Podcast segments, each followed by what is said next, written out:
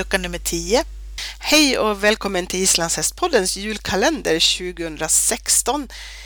Idag eh, har jag Ylva Hagander med mig. Välkommen till dig! Tack så mycket!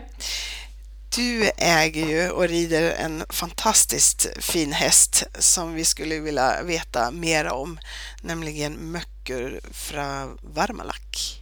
Mm. Hur kom du i kontakt med honom? Ja, det är en lite speciell historia. Möcker och jag, vi träffades faktiskt eh, första gången på Landsmot 1990 men eh, dessförinnan så, så hade jag kommit i kontakt med honom och då på Landsmot 1990 så visste jag att han var min. För jag hade en deadline till att han skulle få bli min fram till Landsmot 1990. Mm. Och då var han bara fem år gammal. Mm. Du hade tingat, tingat på honom innan så att säga? Ja, fast det var inte riktigt meningen så utan um, jag hade ju köpt, jag hade ett, ett ganska fint sto som hette Aska och jag hade köpt en, en annan hink som hette Vårbody en fyrgångshingst som jag skulle ha som tävlingshäst. Mm. Men sen hade jag en god vän som eh, hette John Petter som skickade en film till eh, våra klubbmedlemmar här i Vallfari. Vi, vi var Vallfari på den tiden i klubben här. Mm. Och vi satt hemma hos en, en väninna och satt och tittade på den här filmen och de skulle titta på ston. Men jag hade ju mina hästar och Agneta hade också sina hästar så vi skulle inte köpa någon häst utan och då var det filmat en film på, på, på, på en väg och det var ju snöstorm och det var februari. Mm. Och så massa ston som sprang fram och tillbaka på en väg och de filmade och tjejerna de körde den här filmen fram och tillbaka och tittade på stona och de var numrerade. Det var en sån här gammal tjock videofilm man hade på den tiden. Mm. Och eh, Ja, så de bestämde sig för att de var väl intresserade av vad det var för några ston där då. då. Mm. Och jag och Agneta satt bara i bakgrunden lite slötittade lite grann på den där filmen. Va? Ja. Vi skulle inte ha någon häst utan satt ju och tjattrade i bakgrunden. Ja, och sen ringde min gode vän från Island och frågade då om det var någon som var intresserad av några hästar. Ja, så jag, jo men den och den var intresserad av den och den och så vidare. Jag hade ju skrivit upp allting då. Ja. Så sa ja men ska inte du ha någon häst? Nej, men jag har inte råd att köpa någon häst och och jag har ju liksom mitt fina femgångssto och en fyrgångshingst. Jag tyckte att jag precis hade vad jag hade råd med och klarade mig med. Mm. Ja, men så, var det ingen som du tyckte var fin? Jo, ja, så jag, jo, men det var ju faktiskt en häst. Det var ju ett sto där som var jättefint, så jag, som inte visades på vägen, så jag, som någon red nere på en äng. Ja. I snöstormen, så jag. Det stoet var något extremt med, så jag. Liksom, den var ju verkligen annorlunda och hade fantastiska rörelser. Det var alldeles tyst i telefonen och så, och så sa han, nej det är ingen hoppa. Och den hästen är faktiskt det gamle Reiner Adelsteinsson. Han var ju en av de fyra mästarna då. Det är en häst han tränar och det är den mest lovande unghingst han har haft i träning. Så den är definitivt inte till salu, sa han. Va? Nej, okej. Okay. Jaha, sa jag liksom. Men det var ungefär som att hänga ett rött skynke framför näsan på mig. Va? Då ville du ha honom? ja, då sa jag väl mera på skämt liksom att allt är väl till salu för pengar ungefär. Va? Mm. Och eh, ja, jo, ja, då sa han jo, han kände ju uppfödaren på den hästen som var då eh, Bjössi Svensson på Varmalak uppe på Nordlandet. Det här var ju på Sigmundstad där det här var inspelat. Mm där gamle Reiner då på den tiden bodde. Mm. Så att, eh, ja så han skulle återkomma då, då ja, kolla vad prislappen var och sen så ringde han mig några dagar senare och sa det att jo men eh, ett, ett, bra bud kunde väl inte uppfödaren stå emot då va? Nej. Och jag gav väl ett ganska, eller då frågade jag ju givetvis vad är ett bra bud på en hingst? För jag hade inte riktigt koll på det där. Men då var det ju också att man skulle betala hingstskatt och såna här saker. Så att det var ett minimipris på hingstar på 150 000 tror jag eller någonting. Aha, okay. Men jag hade köpt min fyrgångshingst billigare för den hade jag köpt till vallackpris. För de trodde inte att den skulle ja, ha någon speciell bedömning. Och den hade jag tänkt kastrera. Va? Mm. Sen råkade det bli så att den fick en väldigt bra bedömning i alla fall. Men så att eh, så på, på den tiden så la jag nog det högsta budet som någon har lagt för en hingst överhuvudtaget på, på mm. Island. Mm. Mot bättre vetande givetvis, för jag hade inga pengar. och eh, Eh, ja, då så återkom han till mig och så berättade han då att ja, det hade ju varit ett väldigt liv då på, på Reinier, liksom att någon hade lagt ett bud på den här hästen så han försökte ju få att då skulle avelsföreningarna ha rätt att köpa hästen för samma pris. Okej. Okay. Ja, så den fick inte föras ut ur Island utan i första hand skulle den saluföras på Island för samma peng och kunde ingen bjuda över den pengen då fick hästen föras ut ur landet. Va? Ja, ja. Så därför så fick jag då, här var ju då från april till kanske, ja till landsmål fick jag deadline. Då hade avelsföreningarna tid på sig att få ihop pengarna. Va? Och mm. Reiner ville ju under alla omständigheter att hästen inte skulle lämna landet. Mm. Fast det var inte hans häst men han tränade och red den. Mm. Och den var ju då nominerad också till landsmått. Eller han var det då. Ja. Så att han hade blivit uttagen till landsmått. Och samma år så red jag till landsmått över Nordlandet den här äh, fantastiska köleturen då. Va? Vilket år sa du att det här var? 1990. 1990, okej. Okay. Mm. Så när vi kom så jag visste ju, jag var väldigt spänd på det här och det var mycket hemlighetsmakerier. För jag kände ju gamle Reini. Ja. Det fick ju absolut inte komma fram att det var jag som var köparen i Svitjod. Nej. Utan eh, det var mycket hemlighetsmakerier med det här. Va?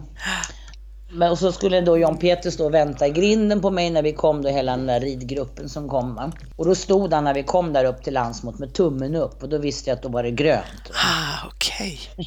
Hästen var min. Men jag hade ju aldrig sett hästen annat än på den där lilla filmen. Nej. Så jag kom ju inte fort nog ur sadeln och rusade ner till hingststallet och skulle kolla in. Och så sprang jag och tittade. Den ena fina hingsten efter den andra stod där med enorma manar. Och, ha. Och längst ner stod en möck från Varmalack. Och så tittade och där stod en liten svart sak med lite tofsig man och en trasig hov och knokig dans. Oj, jag tänkte, oj, de har nog ställt in en gammal vallack här liksom. Det var min hingst, min svarta hingst igen någonstans va. Ja kunde ju inte vara den där lilla kantiga saken som stod där. Pepsi och den va. Nej. Och inte Peter Man va. Jo då, men det var han. Det var han. Ja, och jag bara oj då liksom. Han var jättetunn och liten och inte särskilt imponerande när han stod i sin lilla spilta. Då. Nej. Och, eh, men sen så tittade jag ju på honom sen så, så red ju Reiner honom och han vart ju trea bland femåringarna på landsmått. Va? Och då mm. vart det ju en helt annan sak. Han växte ju enormt mm. på, på banan. Va? Mm. Och då plötsligt var det ju stor svart hingst. Ja, precis. Det var något annat än det som stod i spiltan liksom. Ja, precis. Ja. Det var en enorm känsla. Jag kommer ihåg att det var ju även då eh, vad heter hon, Rona vann ju med, med dimma det året också. Så jag fick ju bo där uppe på varma lack då va? och gå och hämta Mucker i stallet och ta upp honom dit på kvällen och sådär. Så det var ju vansinnigt spännande och hon firade att hon hade vunnit landsmått också med dimma då. Ja. Hon bodde också uppe på varma lack där hos Bjössi så det sjöng och spelas och så det var en fantastisk upplevelse då va. Jag förstår det. Jag har fortfarande någon bild på när jag mörkret där longerar honom lite grann, den här tunna lilla killen. Ja. Så, så började det. Vad häftigt. Men sen då, tog, tog du hem honom direkt efter eh, landsmotsen? Ja, eller? Alltså då, då gick, ingick i avtalet att han skulle få betäcka uppe på varma lack den sommaren. Även Reiner hade väl redan i avtal med, med Bjussi att han skulle få betäcka. Okay. Mm. Så att han skulle ju då tas hem tas hem eh, eh, efter sommaren då, så han kom i augusti då, då mm. med, med, med hästar från Island. Va? Mm. Och då togs ju han och den andra hingsten jag hade, de flögs ju hem för att det var ju mer att de åkte båtar och annat men det ville ju inte jag. Va? Det var ju så pass dyrbar last de här två hingstarna. Va? Mm. Så att um, uh, de flögs till Billund. I Danmark ja. Ja, och John Peter åkte med hingstarna hela vägen. Och sen kördes de upp från Danmark och hit hem till gården. Okej. Okay. Och sen, sen, har, sen har han bott hos dig sen dess? Eller? Ja, sen har han bott hos mig sen dess. Ja. Jag köpte ju inte honom själv då från början, för som jag sa, jag hade ju inga pengar. Va? Nej. Nej, men jag hade en väninna som hette Kråke. Ja. Och hon hade, hon hade ju velat, de har ju alltid haft islandshästar nere på hennes mormors gård i alla år. Va? Och, ehm, och hon ville ta upp Islands häst, hästarna där nere och när hon hade startat en konferens och hotell Ja, med lite turridning och, och sånt. Va? ja just det. Och hon är inte så mycket hästmänniska som jag så hon bad ju mig då att jag skulle dra igång den där turridningen där nere hos henne. Va? Mm.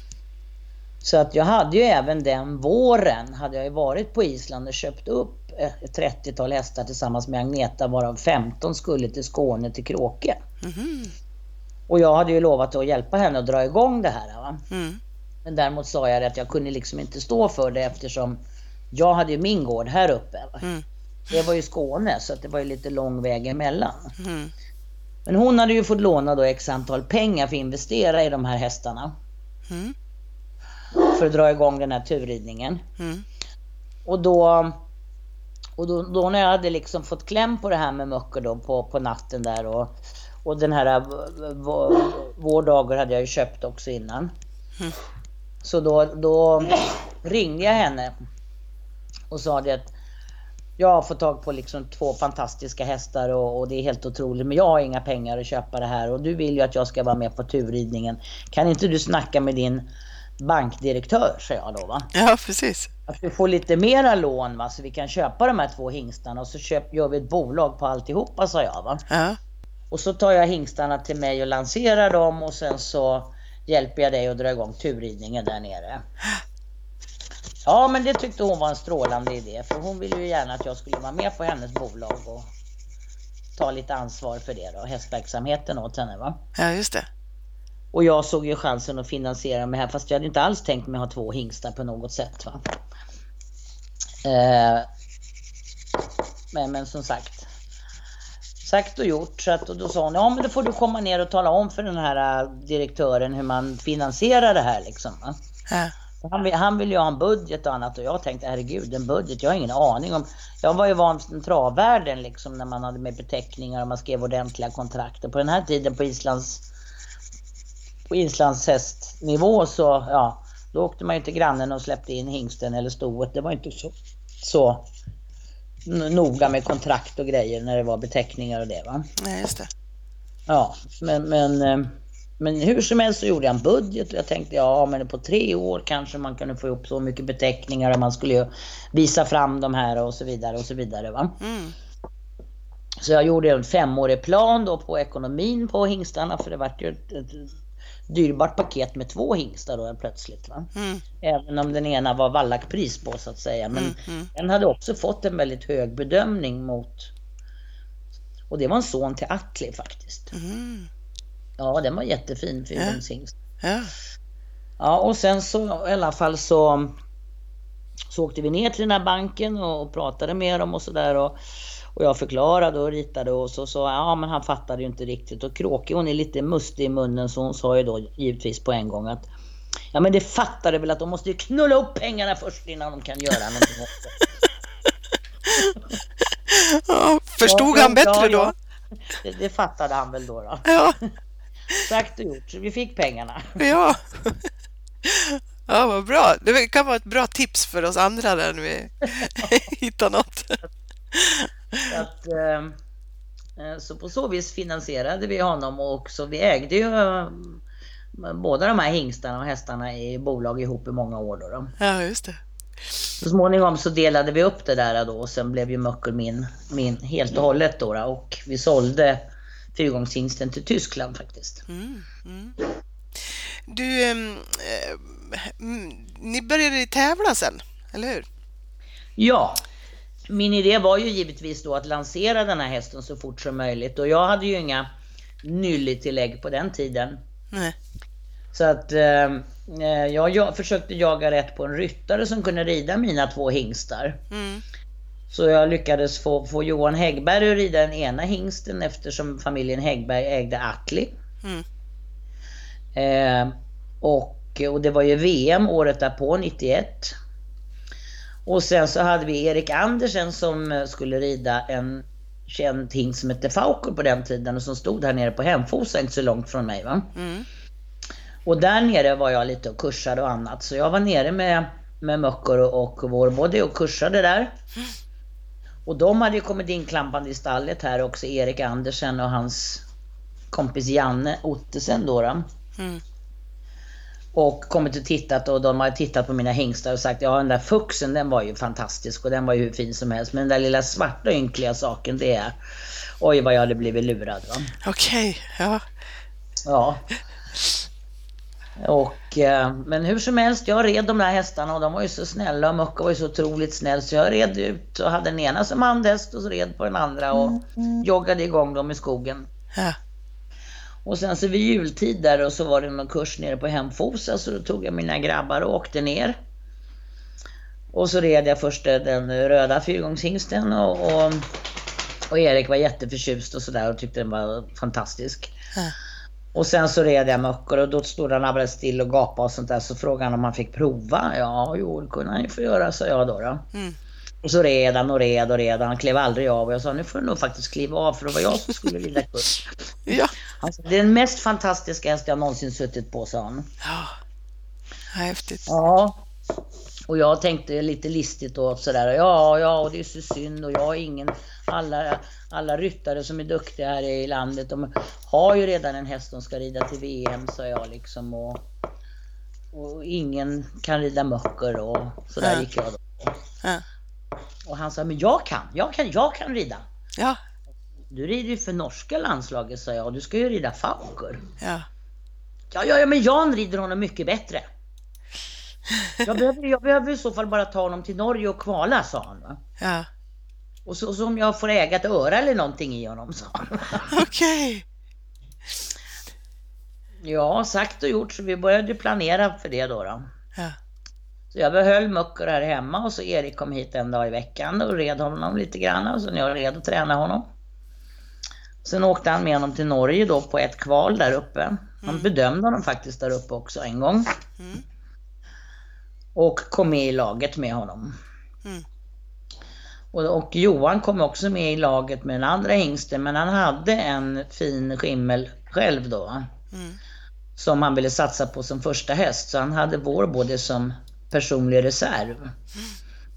Men så båda hingstarna stod där nere i Norrköping 1991 och var med i laget. Mm. Så det var väl en ganska bra plan. Eller hur? Ja. Det måste kännas bra. ja, han var ju bara sex år gammal. Ja, det också. Han presterade bra. Han vart eh, sexa i stilpassen och femma i femgången. Ja. Och bästa Skandinavitält. Ja. Så, ja, läckert. Ett resultat redan på sitt första VM. Ja. Ja, det, det är otroligt bra. Ja. Ja, kul. Men eh, sen då? Det, han har gått flera stora tävlingar efter det, eller hur? Ja, ja. Jag har ju ridit honom då hela tiden så att... Äh. Och det fortsätter jag ju med sen och sen började jag ta ut och rida och tävla honom själv också. Men vartannat år så tog jag med honom i avel då för som sagt det gällde ju att få ihop den här ekonomin också. Ja, just det. Till bank, att, bankdirektören där. Ja, till bankdirektören. Ja. så i princip så tävlade jag honom vartannat år och vartannat år gick han på avel och han var ju väldigt populär. Ja. Och då tack vare sina framgångar på tävlingsbanan. Ja. Hur många avkommor har han?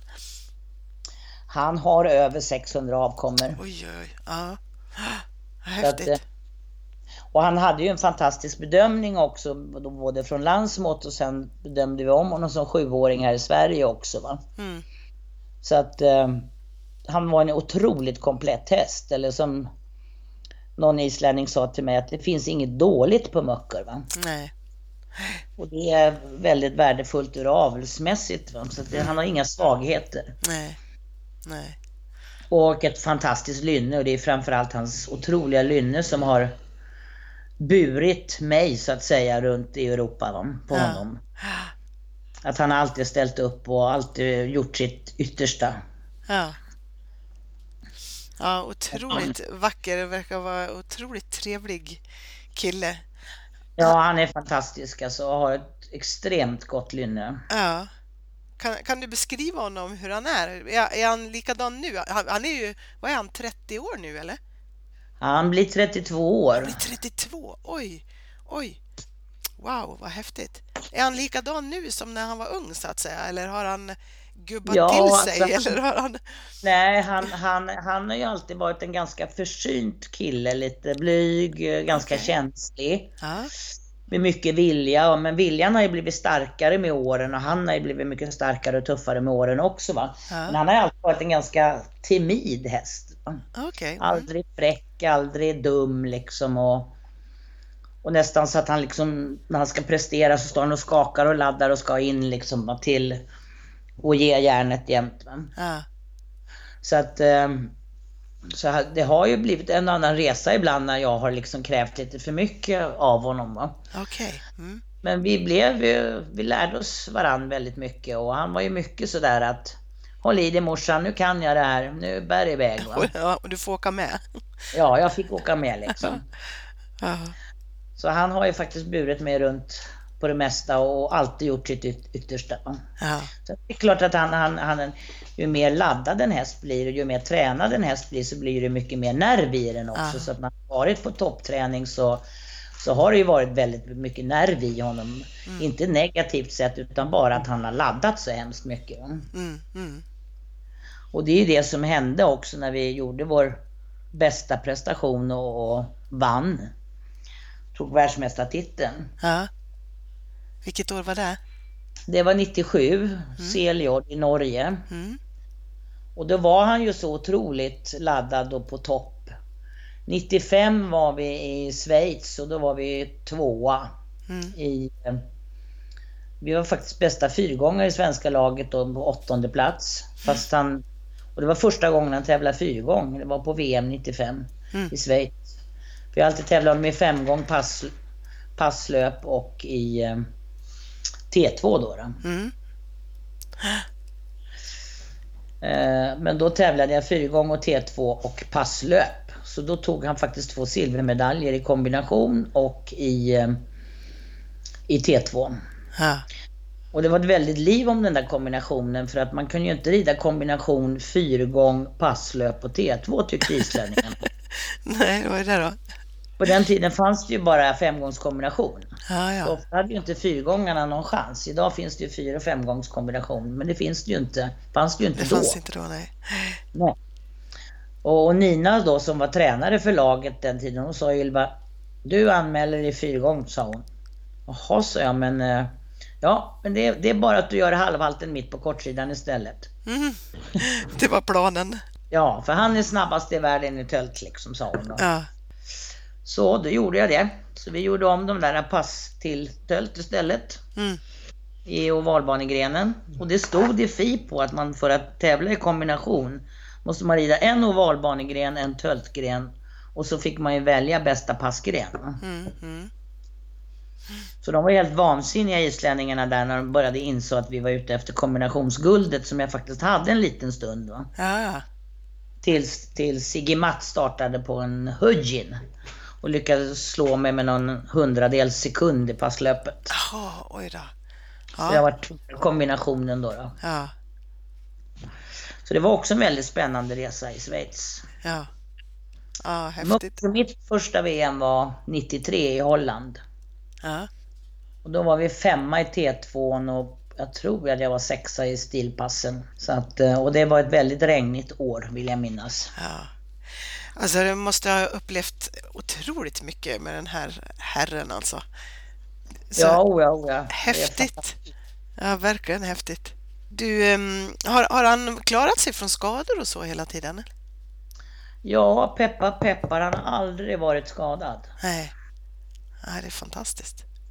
Han kanske har fått något sår någon gång eller något sånt där men peppar peppar, aldrig varit halt, ingenting.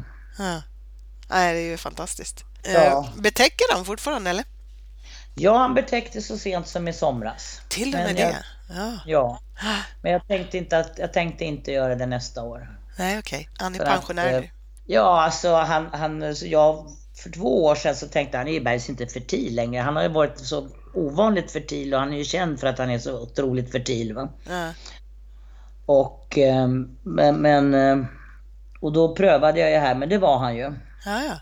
Han var fertil och han var fertil i somras också så att... Eh, Det är mycket möjligt att han är nästa sommar också, men, men man känner att han, han är gammal och det är jobbigt för honom att hoppa på stona och jag handbetäcker ju då. Ja, precis. Ja. Har du många avkommor efter honom själv? Ja, det har jag haft. Jag har och har haft många och några är ju sålda och mm. några har jag kvar och så vidare och jag har lite barnbarn till honom också. Ja, det med förstås. Mm. Precis. Du, vad betyder möcker för dig? Allt. Ja, förstår det. Ja. Han betyder allt för mig. Han är en familjemedlem. Ja, jag förstår det. Ni måste sitta ihop nästan. Ja, det är ju så nästan. Alltså man är... Det går ju inte en dag när jag är hemma att man inte hälsar på honom och pratar med honom. Och...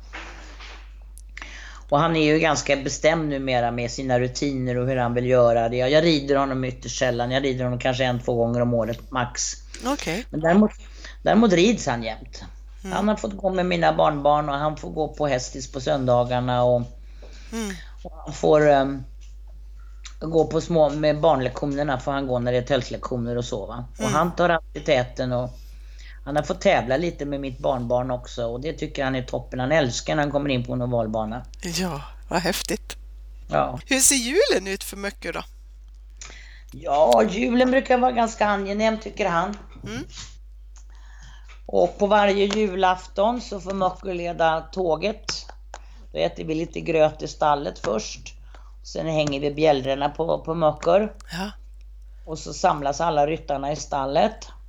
Så går han i täten med bjällrorna. Och jag rider honom. Så leder han jultåget. Ah. Så rider vi ut en liten sväng och så äter vi lite glögg och pepparkakor borta hos en, en granngård här. Ja. Och sen så bjällrar vi hem under...